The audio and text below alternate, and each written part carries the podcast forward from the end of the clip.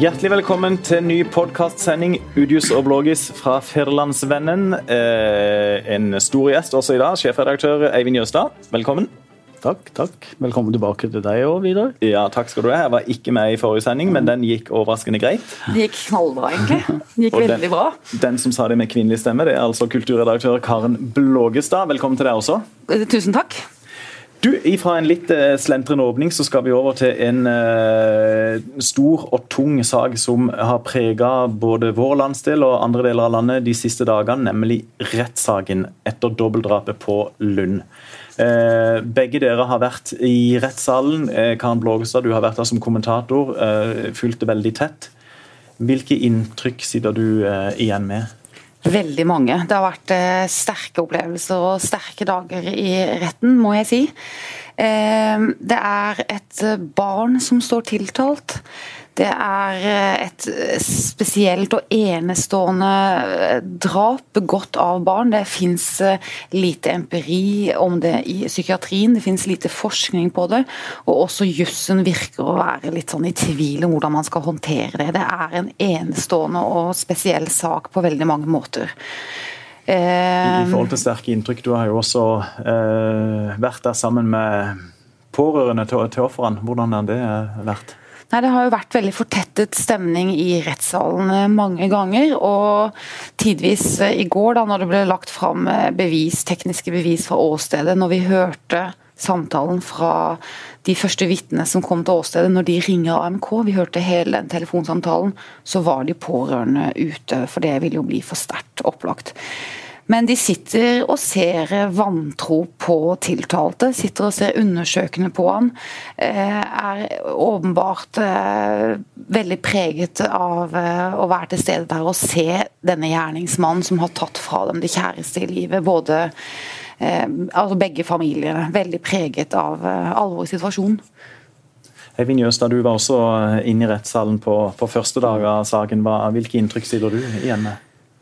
Eh, Nei, Jeg kjenner meg veldig igjen i det Karin sier. og så, eh, så blir det jo en veldig spesiell stemning i en sånn eh, rettssak, fordi selvfølgelig når det er et, en gjerningsmann er så ung som han er her, så så, så blir det jo Fra det juridiske så er, man, så er det jo interessant hvordan skal samfunnet og, og hvordan skal straffen bli? Eh, Hva slags reaksjon har vi, liksom? Og det er jo, som du er inne på, Karin, det er få verktøy eh, i verktøykassa. Eh, Mens det som jeg sitter mest igjen med, det er jo et enormt behov for å forstå hvordan det er mulig. Altså, hva, Hvordan kan en så tilsynelatende normal gutt, som har vokst opp under normale forhold i, i Norge, begå en så ekstrem handling som det han gjør?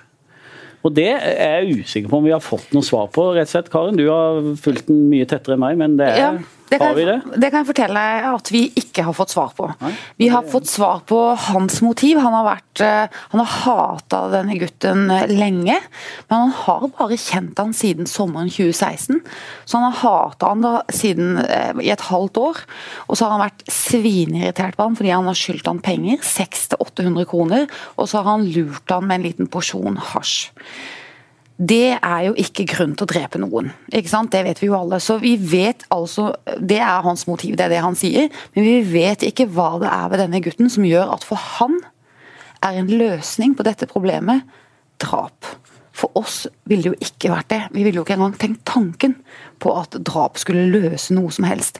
Men for han har det vært en løsning. Og den manglende sperren der vet vi ikke hvorfor han ikke har. Og de har jo ikke gjort funn, psykiaterne. Hvor, hvorfor vet vi ikke, og hvorfor har vi ikke kommet nærmere svar på det spørsmålet der? Er det fordi at eh, Er det pga. måten tiltalte svarer på, eller er det fordi at ikke det har blitt bora nok i det, syns du, som har vært til stede? Jeg syns ikke det har vært boret nok i det. Jeg synes at eh, det, Og som psykiaterne eh, som eh, står bak denne rapporten også sa selv, den har store svakheter. Det er lite forskning på det. og Forskningen som finnes, spriker. De undersøkelsene de har overfor slike gjerningsmenn, er ikke beregnet på barn. Det er mange ting de ikke liksom kan fange opp. Og så sier de nå at i ettertid så ser de at eh, det er mulig denne gutten er i en brytningsfase, at han er på vei inn i noe som kan karakteriseres som dyssosial atferd eller personlighetsforstyrrelse. Han er men, på vei mot det, men ikke klart nok til at, han, at de kan hooke det opp på listen sin. Nei, og så tenker jeg jo at han, han, Det har jo vært beskrevet at, uh, at gjerningsmannen har forklart seg rolig, eh, saklig. Uh, så godt han har kunnet, på mange måter. Men det har kanskje vært en begrensning òg. Altså at han har ikke klart å gi noen gode svar på det, utover disse tingene som altså, Å sette ord på? Ja, jeg vært, det slo av for meg. Altså her, eh, og det har kanskje med alderen å gjøre, ja. Det er jo ikke noe Um, det er jo en veldig spesiell situasjon for han å sitte i der òg, men, mm. men, uh, men, at det er en sånn begrensning òg. Og det er jo det som gjør det kanskje til det uforklarlige. Så tror jeg også de rettsforhandlingene her har vært veldig prega av at uh, det har vært en tilståelse, bevisene er klare. Ehm, og, og, at, eh, og, at, alder på gjerningsmann da har eh, spilt inn. Vi må gjennomføre disse rettsforhandlingene, men, men eh, utgangen er nokså klar. Mm. Og det, og det, har kanskje gjort at ikke man har eh, etterspurt eller gravd nok i de mhm. tingene som kunne gitt noen flere svar, og da, som jeg vil tro hadde vært bra for de pårørende, som selvfølgelig har hatt det helt forferdelig. Samtidig må det jo være i alle fall godt for de pårørende at du har en gjerningsmann som har tilstått, og at du teknisk sett vet alt som har skjedd, selv om du da ikke kommer til bunns i motivet. Ja, jeg vil tro det, men det er jo likevel helt umulig for oss å sette oss inn i øh, hvordan disse dagene har vært for de, og, øh, og familien til gjerningsmannen nå har det jo helt sikkert sant, på, sitt, på, sitt, vis helt forferdelig. Helt forferdelig så det er jo, som du har skrevet, Karin, det er bare ofre i, mm. i, denne saken. Mm. Mm. Men det, samtidig så er det jo allikevel, og det er jo derfor vi skriver mye om dette, og det er når det skjer så ekstreme ting eh, i, rett utenfor døra til folk, så, mm. så, er det et veldig behov for å, å forstå. da. Mm. Hele samfunnet trenger det. Men jeg spørre dere, for nå kommer jeg nettopp fra rettssalen og er litt sånn uh, fylt av følelser og fakta i hodet og, og hjertet, egentlig. Uh, Akto legger ned påstand om ti års fengsel for tiltalte. Og så vet vi av erfaring av, av at de som soner sånne type dommer, soner mest sannsynlig to tredjedeler av den.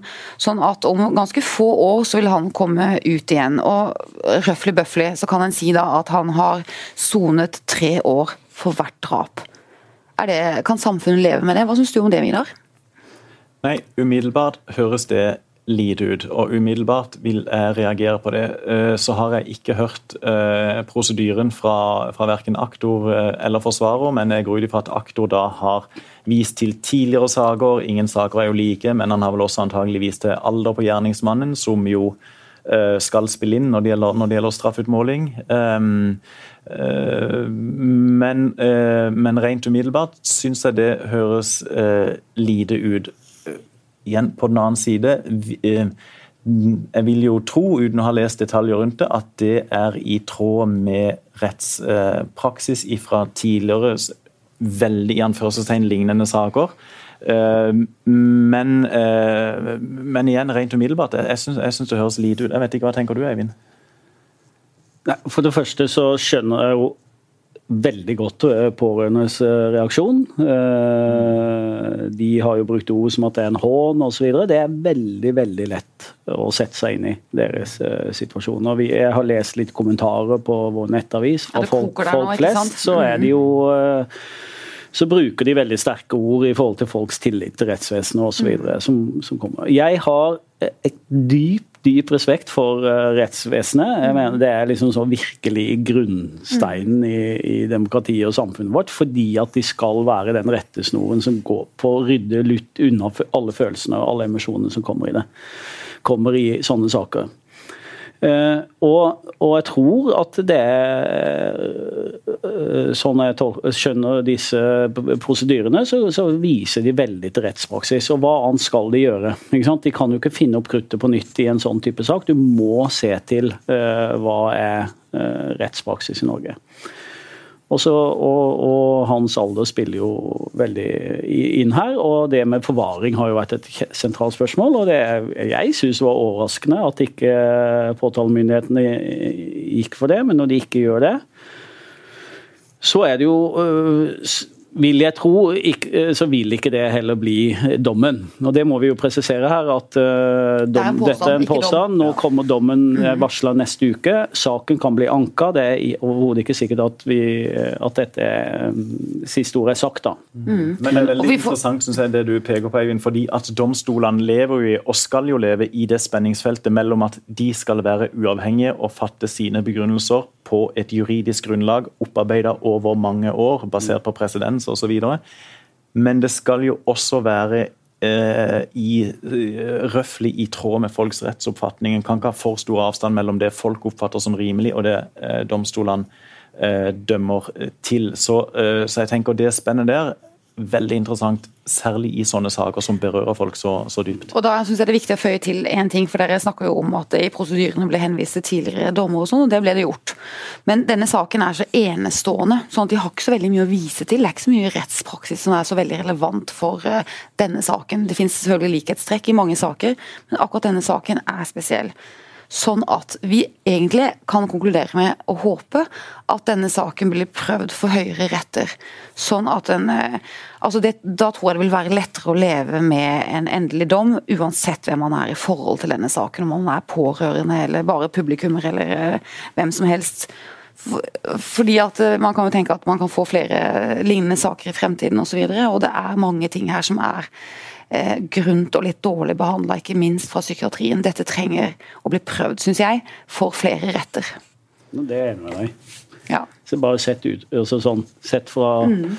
det perspektivet, mm. så, eh, så tror jeg jo det hadde vært bra. Men da lar vi rett og slett det bli de siste ordene på akkurat dette kapitlet i, eh, i podkasten. Og så blir det et um, Taktskifte, temaskifte for en annen stor sak denne uka. Det har altså vært på den politiske fronten. Hvor Ingebjørg Godskesen, stortingsrepresentant for Aust-Agder, tidligere Frp, nå har meldt seg ut av selveste Frp. Og Ingebjørg Godskesen, eh, hvis teknikken nå står og spir, så er du rett og slett med oss på telefon fra Stortinget i Oslo. Ja, det er jeg. Velkommen til podkasten. Takk skal du ha.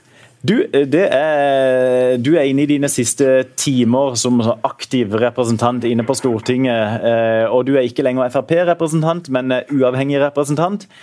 Jeg må låne en spørsmålsstilling fra sportens verden. Hvordan føles det? Det føles egentlig som å være en Frp-er i opposisjon. Hva, hva betyr det? Det betyr at eh, politikken er jo enig. Jeg har jo ikke forandra min mening når det gjelder politikken. Så på en måte så er jeg en støtterepresentant i de andre to partiene til Frp når det gjelder politikken. Ja. Men, men du, hva, hva, eh, hva, har skjedd sånn røftlig sett siden du, siden du, meldte deg ut? Hva har du fått av reaksjoner? Eh, støtteerklæringer? Er folk rasende på deg? Jeg har personlig fått kanskje tre sinte, litt sure bemerkninger mm, til min mail. Ellers har jeg bare fått støtte. Ja, det har vært veldig overveldende. Ja, hva, hva, sier folk for noe, eller skriver folk? De sier at uh, endelig en politiker som, som, sier, går, altså, som tar de løftene på, hun har sagt på alvor.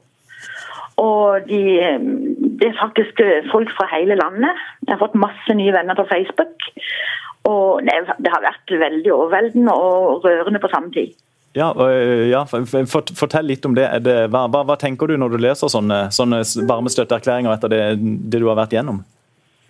Eh, altså jeg må jo si at Det er jo beviset på at jeg egentlig gjorde det riktige. Jeg har ikke gått utover noe program. Jeg har faktisk gått til, tatt og gjort et valg.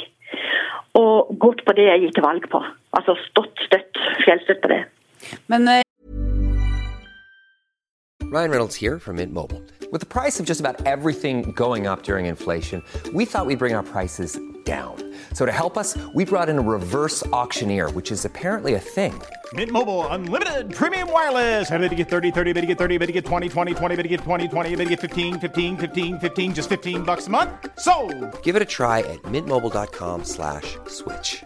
$45 upfront for three months plus taxes and fees. Promo for new customers for limited time. Unlimited more than 40 gigabytes per month. Slows. Full terms at mintmobile.com.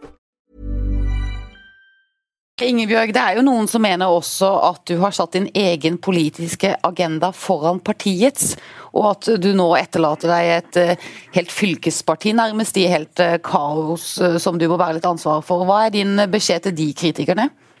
Ja, Det mener jeg er jo helt hull i hodet. Jeg har gått til valg på at jeg ikke ønsker at Aust- og Vest-Agder skal slå sammen alene. Aldri sagt at ikke vi kan slå sammen med andre fylker eller at vi skal legge ned fylkeskommunen, for det er jo vårt program.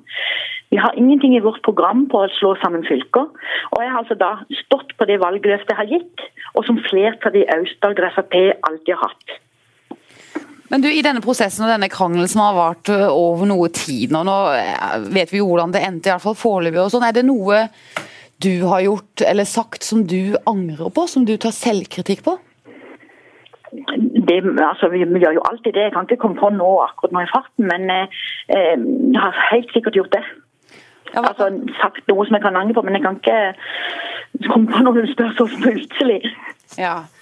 Hva, hva er det som har opprørt deg mest? Og Du får ikke komme med hele leksa, for det har vært mye som har opprørt deg. Men hva har opprørt deg liksom mest? Hva var det som fikk det til å vippe for deg sånn nå til slutt?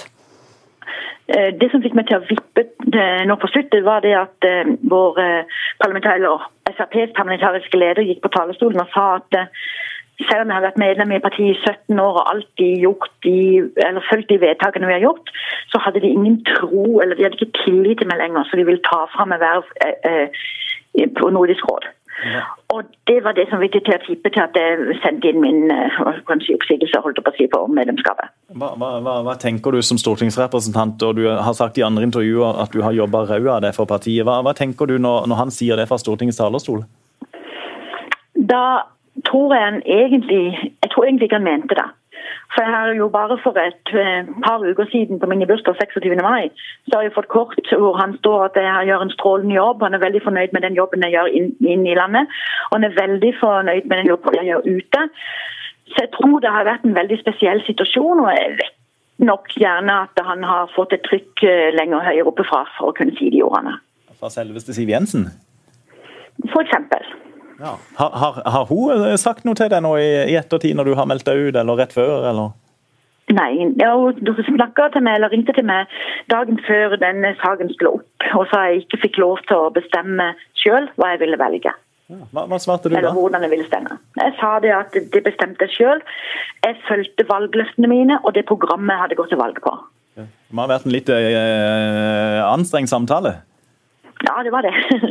Du er en modig maur Ingebjørg. Det skal du ha. Jeg vet ikke om jeg hadde tort å begynne å motsi Siv Jensen sånn på telefonen en kveld. Hun er en litt skummel dame. Jeg har jobba mannsdominert hele mitt liv, så jeg har vel lært litt av mannfolkene til å være sånn.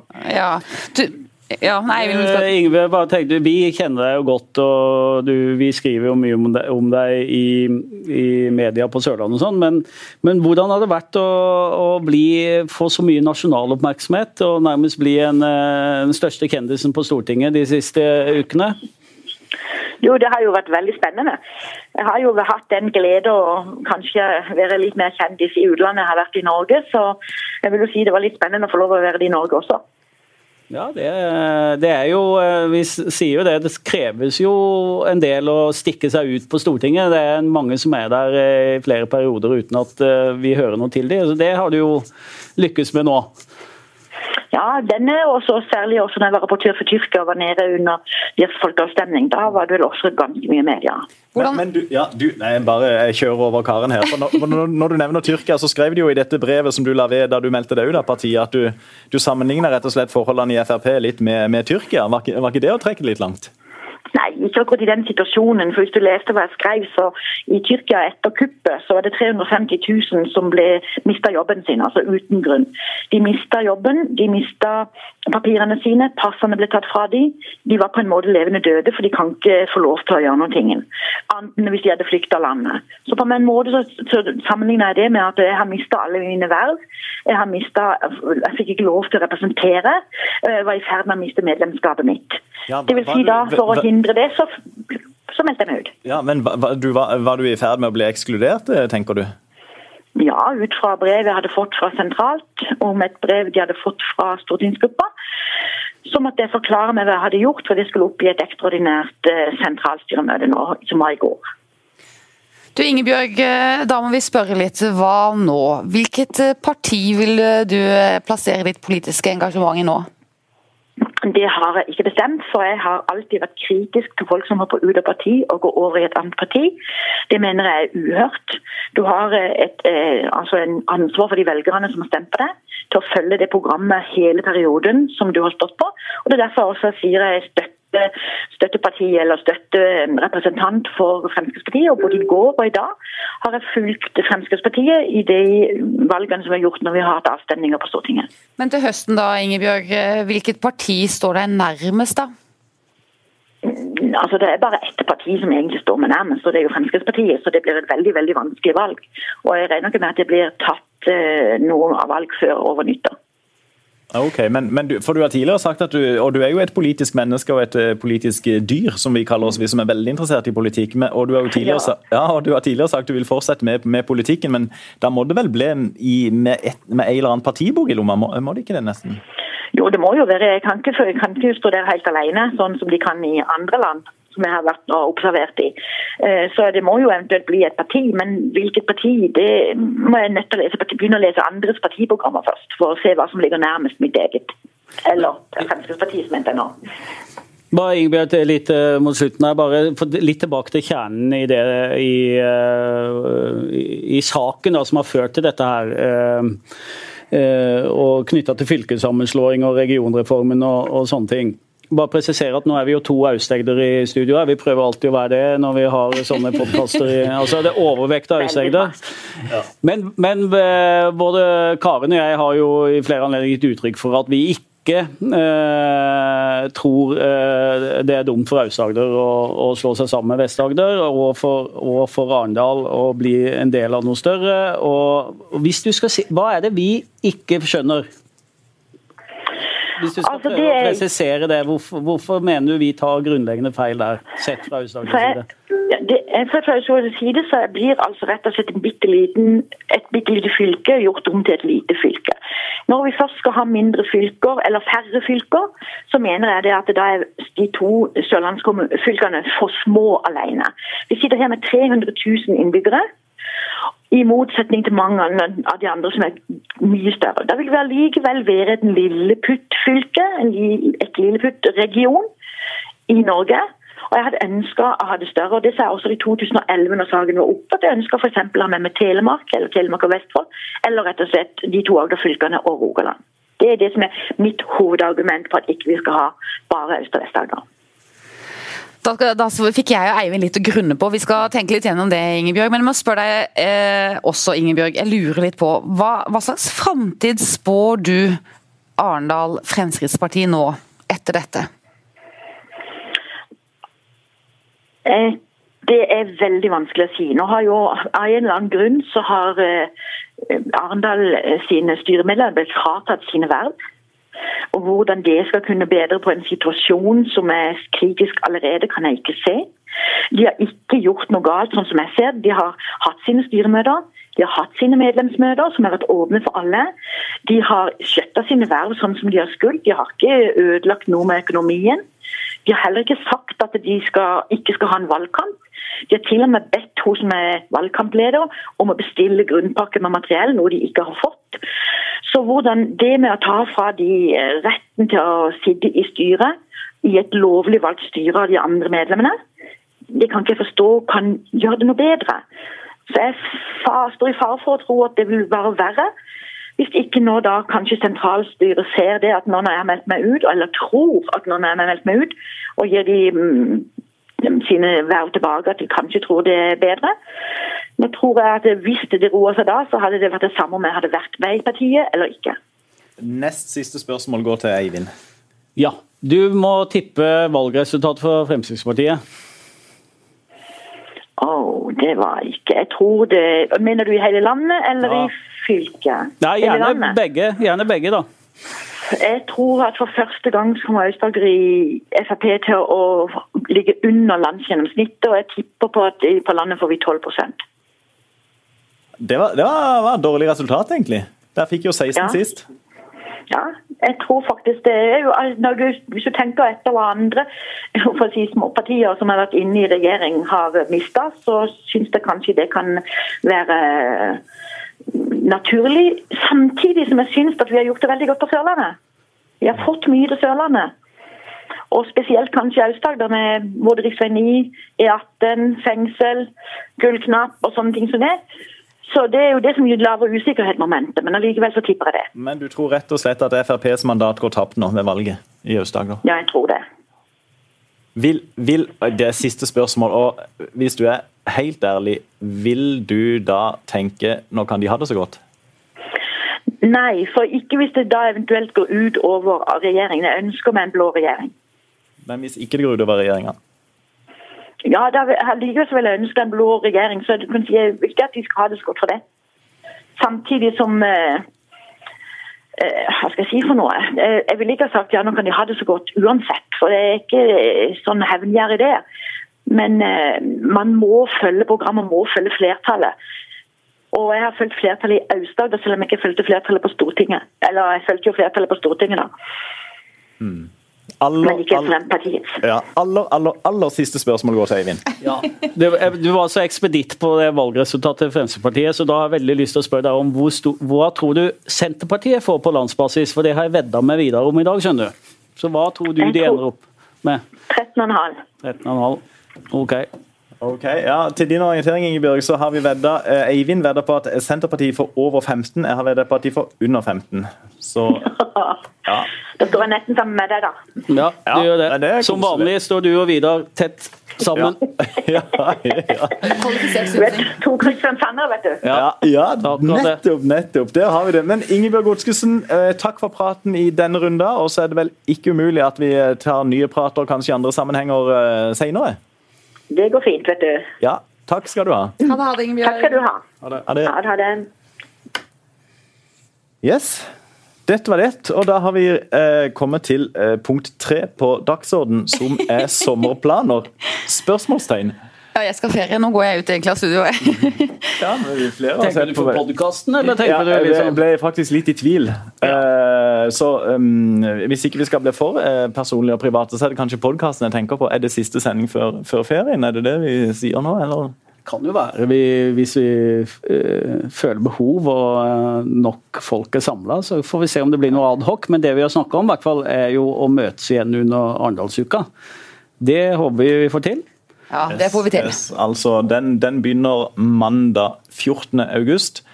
Om kvelden mandag 14. august er det partilederdebatt, og så har vi lagt opp til en daglig podkast hver formiddag fra tirsdag 15. august eh, til og med fredag et eller annet Uh, august. ja. uh, Da er det mulig å komme fram og hilse både på Udjus og Blågis, faktisk. Så det kan jo Veldig mulig, og kanskje til og med noen partiledere. Vi har allerede fått ja fra et par partiledere, og et par som skal svare ganske snart på om de vil komme innom. Og i det hele tatt, det håper vi blir Har vi fått eh, ja fra noen gøye partiledere?